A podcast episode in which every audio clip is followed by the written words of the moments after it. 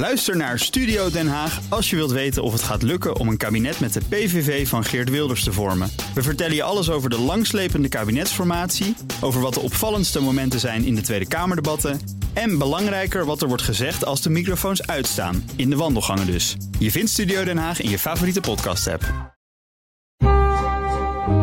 De Perestroikast. Een blik op Oost-Europa.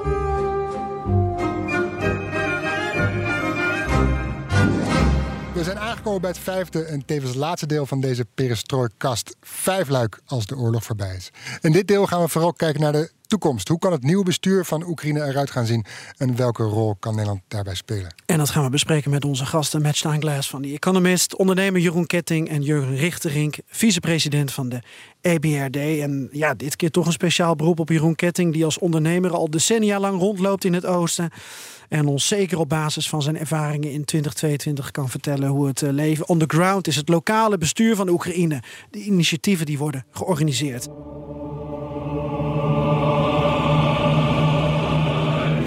Praat ons bij vanuit Moskou, Jeroen. Ja, daar heb je nou eenmaal heel veel wortels ook. Ja, dat klopt. 28 jaar wortels, maar die ben ik nu hard aan het ontwortelen. En eh, ik hoop dat ik met de kerst weer eh, ontworteld in, eh, in Nederland terug ben. En dan in januari door naar Oekraïne. Jeroen, om de verschillende vormen van bestuur tot ons te nemen. We nemen een dorp in Mykolaiv, waar Floris is geweest. Daar gaat Floris later wat over vertellen. Mirne. wie gaat dan bepalen, wat jou betreft, hoe dat Mirne eruit gaat zien. Wie daar gaat wonen, welke faciliteiten er zijn, uh, welke infrastructuur er komt. Is dat Mirne zelf? Is dat uh, provinciehoofdstad Mykolaiv? Is dat Kiev, de hoofdstad van Oekraïne? Of zijn dat Den Haag, Berlijn, Brussel, Washington? Hoe kijk jij daarnaar? Ja, kijk, kijk, hoe het in feite gebeurt, dat is, dat is moeilijk om te beantwoorden. Ten eerste ben ik geen politicoloog. Ten tweede hangt dat heel erg af van de lokale zeg maar de, provinciale politieke verhoudingen. Wat ik wel kan zeggen is dat op het moment dat je in dat dorpje bent, of dat in Mykolaiv is, of dat dat in, uh, in, in de buurt van Zaporizhia is, of in, in Kharkiv. Um, vaak hebben wij de beste contacten met uh, de lokale bestuurders. Dus dan heb je het over, over een burgemeester van een, van, een, van een dorp of van een klein stadje of van een middengroot uh, stadje. Daar zien we dat, dat zeker qua het leveren van humanitaire hulp en het ondersteunen van kleine bedrijfjes, wat we daar doen, uh, het meest makkelijk en, en direct mee werk is dat zijn ook vaak die lokale burgemeesters, eh, dat zijn ook vaak, hè, die, zijn, die zijn verkozen. En dat zijn ook de mensen die als ze naar de supermarkt gaan, uh, ja, met hun uh, electoraat in, uh, in de rij voor de, voor de kassa staan. En dan, dan zie je dus ook letterlijk dat in die dorpjes, hè, we hebben soms vrachtwagens daar naartoe gebracht en die sta je dan met een soort nou, wat ze in de neem, met een ketting sta je die uit te laden. Hè. Dus die staat echt letterlijk voor een gemeentehuis. En dan sta je met humanitaire hulp? Met, ja, vrachtwagens met humanitaire hulp. En, uh, en dan sta je die uit te laden van de vrachtwagen in, hè, met een, via een menselijke ketting. Die gaat dan letterlijk direct het gemeentehuis in. En dan staat zo'n burgemeester, die staat dan zelf ook in die ketting mee uh, uh, te helpen. En uh, dozen met bonen en, en melk en ga zo maar door. En maandverband door te geven. Nou, als je, mijn, mijn, mijn fijnste ervaringen met bestuurders, die zijn op de laagste niveaus hoe hoger je komt, en ik heb in Kiev ik heb geen uh, contacten gehad in de afgelopen negen maanden met, met zeg maar nationale bestuurders. Maar als je komt op het niveau van gouverneurs, vice-gouverneurs, burgemeesters van, hè, bijvoorbeeld neem de burgemeester van Mykolaiv, van, van, van de stad. En dat is geen onbesproken persoon. Neem uh, uh, de burgemeester van, van, van, van Gerson, hè, dus de, de stad. Dat zijn geen onbesproken personen. Maar zit je bij het hoofd van het Sumski rayon, hè, dus, dus zeg maar de, de, de, het, district hè, dat is dan, dat is een, een klein politiek bestuurdertje. Ja, dat, dat, dat zijn mensen waarmee je kunt werken. En ik denk dat, dat um, en ik kom later nog wat terug op wat andere ervaringen. Maar ik denk dat als je kijkt wat, wat uh, het goede werk wat, wat westerse overheden en internationale financiële instellingen zoals de EBRD kunnen doen, uh, dat is grotendeels natuurlijk top-down. Maar ik denk dat je, dat je nu al moet gaan bouwen met je netwerk en met je infrastructuur en met je mogelijkheden bottom-up. En dan heb je het over het dorpje van Floris in, uh, in Mykolaiv bijvoorbeeld. Mm -hmm. ja. ja. Floris, dat dorpje? Ja, nee, dat dorpje daar, daar is niks van over momenteel. Compleet, compleet kapot geschoten. Dan is de vraag wel of je dat überhaupt moet herbouwen. Nou, dat is inderdaad de vraag. Nou, dat vragen die bewoners zichzelf ook af. Ehm, die hebben nu hun huizen dichtgetimmerd, het dak en de, en de ramen, omdat in ieder geval winter klaar is. En dan komen ze na de winter en de lente terug en dan kijken ze of hun huis het heeft gehouden gedurende de winter. En, maar ze hebben, ook, ze hebben ook geen geld uh, om te investeren. Ja, maar dus ze hebben wel een stem. ze hebben wel een stem. En dus ze roepen inderdaad van ja, wij willen geld van de overheid of van het buitenland. En, maar wat je inderdaad ziet, Jeroen, op het lokaal niveau, dan is die decentralisatie, die uh, maatregel die enkele jaren is ingegaan, die schijnt goed te werken om op lokaal niveau te, ja. te, te, te, organiseren. Zelfs zo goed heb ik inmiddels begrepen dat die structuren die zijn ontstaan door die decentralisatie, hè, door alles op lokaal niveau te regelen, dat ook bijvoorbeeld de burgerwachten, de, de territoriale, territoriale strijdkrachten, dat die ook via die lijnen heel makkelijk zijn georganiseerd door dorpen, door steden, omdat die structuur al stond. Klopt, klopt. En, dat, en, en wat het mooie is inderdaad, dat je ziet dat uh, door, door dat, dat decentrale gezag is eigenlijk door die oorlog alleen maar versterkt. En doordat je dus hè, die terra baronnen, maar ja, je hebt ook de, gramma, de grammatska baronnen, dus dat is de, de gemeentelijke, uh, uh, noem je dat, uh, ja, verdediging. Um, dat, zijn, dat zijn samenwerken, dat zijn echt hè, zeg maar maatschappelijk overheids samenwerkingen. Dus dan zie je dat mensen bruggen slaan. Hè, de burgerij en de politieke bestuurders. Die zijn gebleven, hè, want er zijn een heleboel zijn er ook gevlucht. Maar die zie je dan heel effectief uh, samenwerken. En ik denk dat als je... Uh, uh, als je die hulp die wij vanuit het Westen gaan leveren, als je op de een of andere manier die kunt binden aan de decentrale behoeften, ik denk dat je dan kansen gaat creëren. Waarom? Wat ik heb geleerd in de afgelopen negen maanden uh, van, van humanitaire hulp leveren, is dat je kan niet alleen maar een goed hè, of, een, of een gulden uh, geven. Nou, die gulden hebben we helaas niet meer, maar dat klinkt zo, zo, zo, mooi. Maar je, kan, je moet behalve datgene, dat goed wat je geeft, moet je ook aandacht geven. En ik denk dat heel belangrijk ook is voor westerse overheden, maar ook voor internationale financiële instellingen, is dat je een goede balans vindt tussen het geven van hulp en het doen. We moeten, bij die hulp moeten we betrokken raken, eh, betrokken blijven ook. En daar moeten we nu al eh, mee beginnen. En je ziet dat de, de, de mensen lokaal, de, de mensen in het veld, zeg maar, met wie, je, met wie je spreekt, dat die ook de aandacht die wij aan hen geven, letterlijk de aandacht, is voor hen even belangrijk als het humanitaire goed is dat we komen brengen of de microlening is die we komen geven. En um, dat is iets voor, voor, voor, voor grote partijen zoals overheden en financiële, internationale financiële instellingen om, om, om mee te nemen, zou ik zeggen. Jurgen Richtering, ja. neemt u dit mee? Ja. Mag je de handschoen op? Uh, ik, ik, ik kan maar beter zeggen ja. Um, maar uh, ik, ik hoor veel over het decentraal gezag. Eigenlijk wil ik toch ook even hier zeggen, uh, onderschat het belang niet van een centrale overheid. Uh, dat mag absoluut niet worden onderschat. En ik denk dat dat eigenlijk veel belangrijker is voor uh, een land als Oekraïne. Zeker in, in de wederopbouw. Um, land, zaken zoals property rights of regulatory framework of rule of law, noem het maar op. Um, dat zijn allemaal zaken die centraal moeten worden geregeld. En we zien eigenlijk dat dat kan oké, een veel kleiner land, maar ook in die regio. Georgië heeft uh, een, een, groot aantal jaren geleden uh, laten zien uh, dat het mogelijk is. En Georgië is nog steeds, ook al is men iets teruggelopen, nog steeds in de top 10 van ease of doing business. Dus, um, en dat kan het dorpje van wie dan ook, kan dat echt niet aan. Dus wat dat betreft ik, eh, ja, ik spreek me uit voor het belang van die centrale uh, overheid.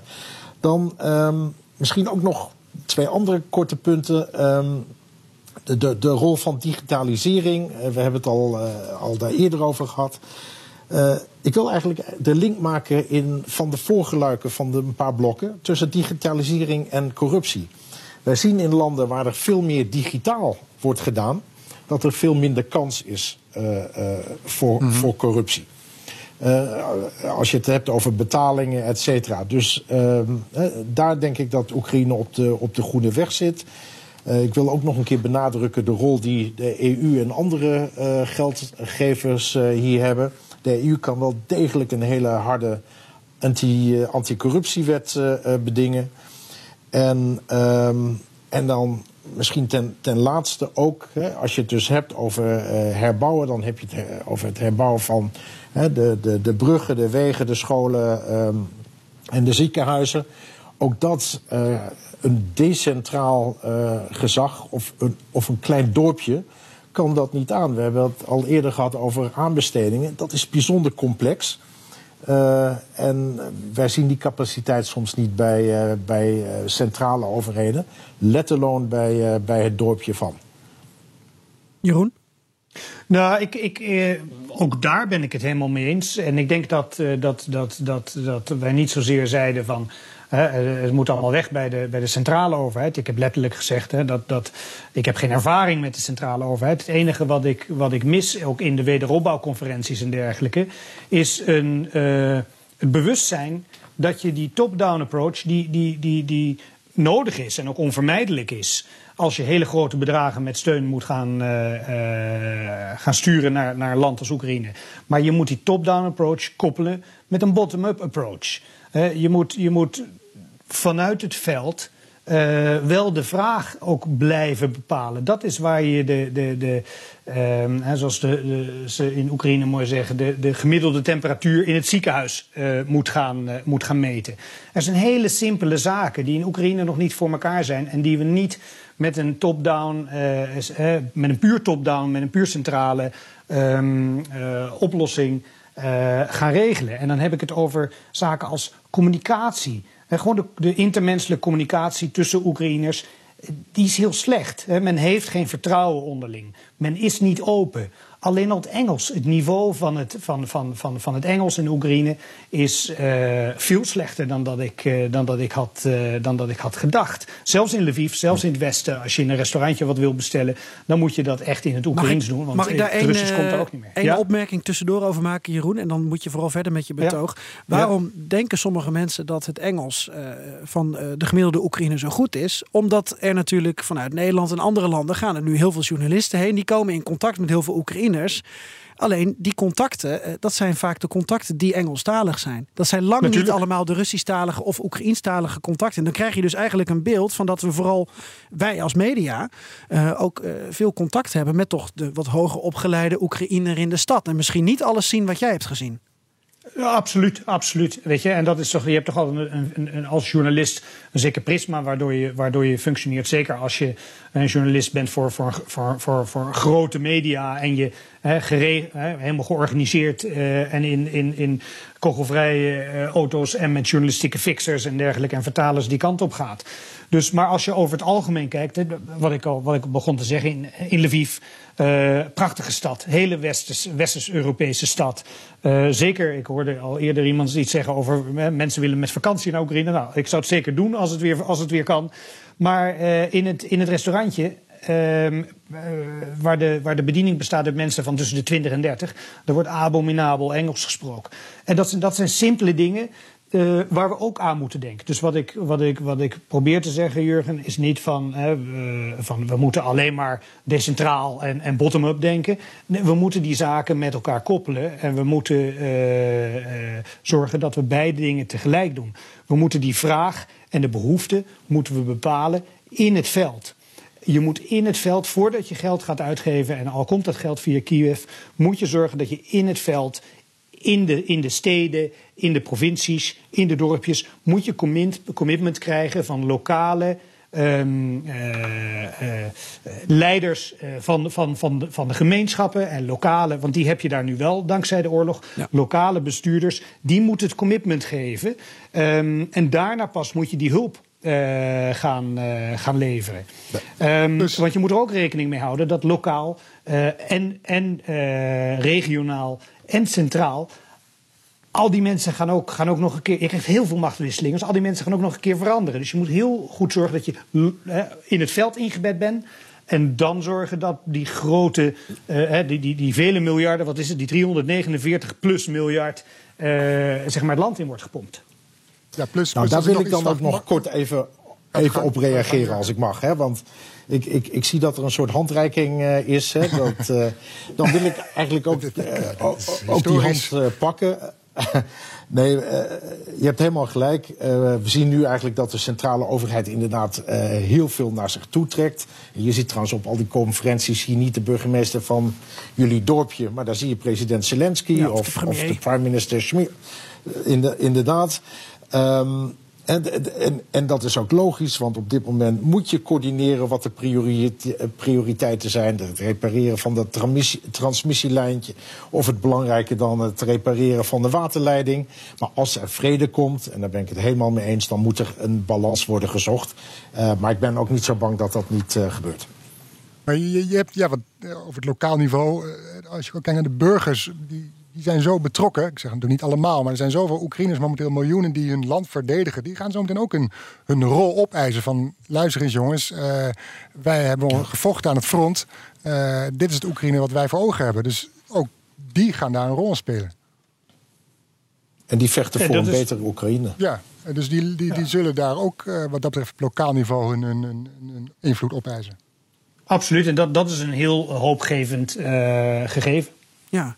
Ik heb nog één vraag voor eh, Jurgen Richterink. Want ehm, als we het hebben over nou ja, wie dan ook ehm, de overheid is eh, die eh, investeerders gaat binnenhalen of gaat ontvangen. Of het nou in een dorpje Mirne is, of het nou in de stad Mykolaiv is, of, of het nou in Kiev is. Ik heb nog een vraag over investeerders en private investeerders. Want we zien nu ook dat soort conferenties natuurlijk ontstaan. Ehm, hoe kijken jullie vanuit de EBRD ernaar, of hoe kijk je er zelf naar? Mogen investeerders eisen stellen, eh, voorwaarden stellen, dingen erdoor drukken? Eh, want eh, de investeerders die heel veel geld in Oekraïne gaan pompen, die denken misschien die lokale gouverneur, die weet misschien wel wat het beste is voor zijn mensen, maar ja, die heeft geen verstand van, van, van ons bedrijf, die heeft geen verstand van onze investering, van wat wij daar willen. Wij weten zelf al wat het beste is voor Oekraïne. Hoe denk je over die balans, Jurgen? Ehm, nou, je hebt helemaal gelijk. Eigenlijk is, eh, en daar hebben we misschien iets te weinig over gesproken de laatste eh, vijf afleveringen. Eh, De eerste rol van de private investeerders. ja, ja. De, de rol van de, de private investeerders. Want zoals ik al helemaal in het begin een keer zei. de rol van de overheden die gaat minder worden. Nu is die nog cruciaal wat betreft de, de military support. Maar uiteindelijk eh, zal ook de wil eh, van het Westen afnemen om honderden miljarden eh, richting het land te sluizen. Dus ik denk dat de private sector een hele, hele belangrijke rol daarin heeft.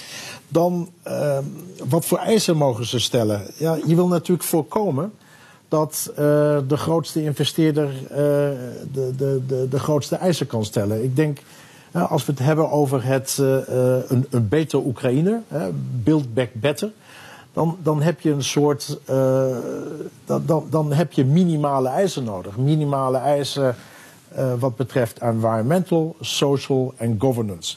En nogmaals, ik denk dat je dat als centrale overheid moet vaststellen. Trouwens, samen met de EU, samen met de G7 en samen met organisaties zoals de EBRD. Eh, want het mag niet, eh, niet zo zijn dat eh, een groot staalbedrijf dan, dan kan zeggen: Nou, dan stoot er maar wat, wat, wat, meer veiligheid uit.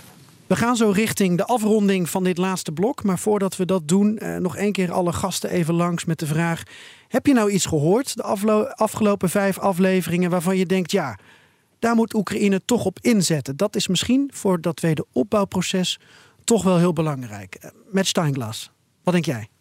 Uh, ik vond die opmerking van Jeroen over bedrijven met wie hij heeft gesproken, die trekken die uit het oosten van Oekraïne naar het westen trekken, heel belangrijk. Ik had niet met zulke, uh, dat, die ervaring had ik niet gehad. En dat, ja, het is heel logisch dat dat gebeurt. Mensen verwachten het ook, maar om te horen dat het echt gebeurt is. Uh, dat is iets waar de Oekraïnse autoriteiten echt op moeten letten. En elke donateur die erbij gaat betrokken worden door de nieuwe Marshallplan voor Oekraïne, moeten echt, moeten, moeten echt opletten wat, de, uh, wat de bedrijfscommuniteit zegt. Dat zijn de mensen die die nieuwe uh, Oekraïnse economie gaan bouwen. En die meningen moet je serieus nemen. Ja. Want je vreest een totaal leegstaand kaal Oost-Oekraïne dan? Voor een deel, maar ook. Uh, Nou, echt, ik heb twee, twee opmerkingen eigenlijk. Eén, één vraag die ik heb gesteld bij verschillende mensen is: welke verzekeringen kan je bieden aan bedrijven om te gaan werken in een onveilig land? Dat, you know, het is logisch dat een investeerder hij, hij moet een beetje verzekering krijgen. Dat hij- you know, je gaat niet een nieuwe, een nieuwe bedrijf bouwen in een land die gebombardeerd wordt door Russen, tenzij je echt een garantie he- heeft van een buitenland. Dus ja, dat, eh, maar je, je moet ook niet te hard proberen om tegen de stroom te werken. Als mensen, als, als goede, eh, als goede bedrijfsmensen denken. Er is geen toekomst in dit gebied. Dan moet je niet proberen om daar een soort kunstmatige kunst, eh, toekomst te bouwen. Je moet, eh, je moet, je moet de, het- de economie bevorderen in de plekken waar ze wel willen werken. Jeroen Ketting, wat zijn jouw overwegingen? Eh, nou ja, wat ik over het algemeen eh, goed vind om te horen van, eh, van, van, van alle sprekers, inclusief eh, jullie zelf, Geert-Jan en, eh, en Floris, is dat, eh, dat iedereen toch eh, ja, hoopvol gestemd is over, over de toekomst van, eh, van Oekraïne. En ehm, eh, ik denk als we die. die eh, Moeten ze nog we wel een de- oorlog winnen, hè? ja, dan moeten ze nog wel een oorlog winnen, inderdaad. Laten we dat niet vergeten. eh, en dat, eh, ja, dus laten we hopen dat dat, eh, dat, dat snel gebeurt. Eh, aan de andere kant hebben we natuurlijk ook besproken dat die oorlog. Eh, afgezien van alle dramatische en, en, en tra- tragische eh, aspecten, eh, misschien ook wel weer een, een, een extra kans schept ehm, eh, voor Oekraïne op het moment dat er, dat er vrede is. Dus ik denk, wat, wat- ik meeneem uit de afgelopen vijf sessies en wat, wat, wat iedereen die deel heeft genomen aan die vijf gesprekken, wat ik daaruit meeneem is dat. Ja, dat er toch een solide basis is om, eh, om te verwachten dat het met, eh, met het land eh, na de oorlog een goede kant op zal gaan. Jurgen, wat, eh, wat heb jij eruit opgepikt uit deze vijf gesprekken? Eigenlijk ontzettend veel. Eh, het is mooi dat we niet allemaal ehm, hetzelfde dachten. Zeker in het begin niet. Eh, ik leer van elk gesprek leer ik ontzettend veel. Ik, eh, ik heb een aantal eh, zaken gehoord eh, die misschien meer vanuit de, de, de, de private sector komt. Het MKB. ik heb het over kleine dorpjes eh, gehoord. Waarin wij als EBD eigenlijk veel groter denken. Maar we weten ook dat de backbone van elke economie zijn nu juist, is nu juist het, het MKB. Ehm, en ik ben, net zoals eerdere sprekers, ik ben eigenlijk ook bijzonder hoopvol. Ik denk wat Oekraïne nu nodig heeft, is onze, eh, onze steun. Dit jaar, volgend jaar, hoe lang het ook zal duren. En dan ben ik inderdaad hoopvol dat, eh, dat het een eh, mooie toevoeging tot, tot de EU wordt. Oké, hartstikke bedankt voor jullie deelname met Stijn Glass van Economist, Jurgen Richterink, vicepresident van de EBRD en ondernemer Jeroen Ketting. Ook eh, trouwens even noemen dat die Lifeline Ukraine als humanitaire organisatie eh, enorm op de kaart heeft gezet eh, de afgelopen maanden. Zeker, zeker. Heb jij er wat van opgestoken, Geert-Jan? Wat neem jij mee? Ik neem mee dat je zowel groot als klein moet denken. Oké, Is dat ook weer heel mooi Ja. solidair met alle ik heb reacties? niks mee, maar goed. Oh, nou zeg jij dan niet? Eh, nou, ik, dat idee inderdaad waar Matt ook mee aankomt, dat speelt ook nog door mijn hoofd. dat bedrijf van oost naar west vertrekken en hoe je dat toch, het oosten toch levendig moet houden. Want voor je het weet, eh, ja, kan er misschien een vrede ontstaan, maar... eh, Ik weet dat Oekraïne werkt aan een, eh, dat ze een regionale economische structuur hebben. Dat ze daar ook eerder een wet voor hebben aangenomen. met een, een visie tot 2027. Maar die was voor de oorlog opgesteld. En ik zou eigenlijk hopen dat ze ook ehm, in het licht van alle potentiële investeerders. Uiteindelijk met een nieuwe visie komen waar ook investeerders op kunnen inhaken. Dan heb je denk ik centraal, decentraal en richting het buitenland heb je denk ik een hele eh, heldere boodschap. Maar dan moet je wel harde concessies doen. En dat is misschien in dit stadium, eh, wat ook al werd gezegd, wel een lastige. Dank jullie wel. En op naar een nieuwe aflevering. Een volgende aflevering van de BNR Strooikast. Pakka. Aito.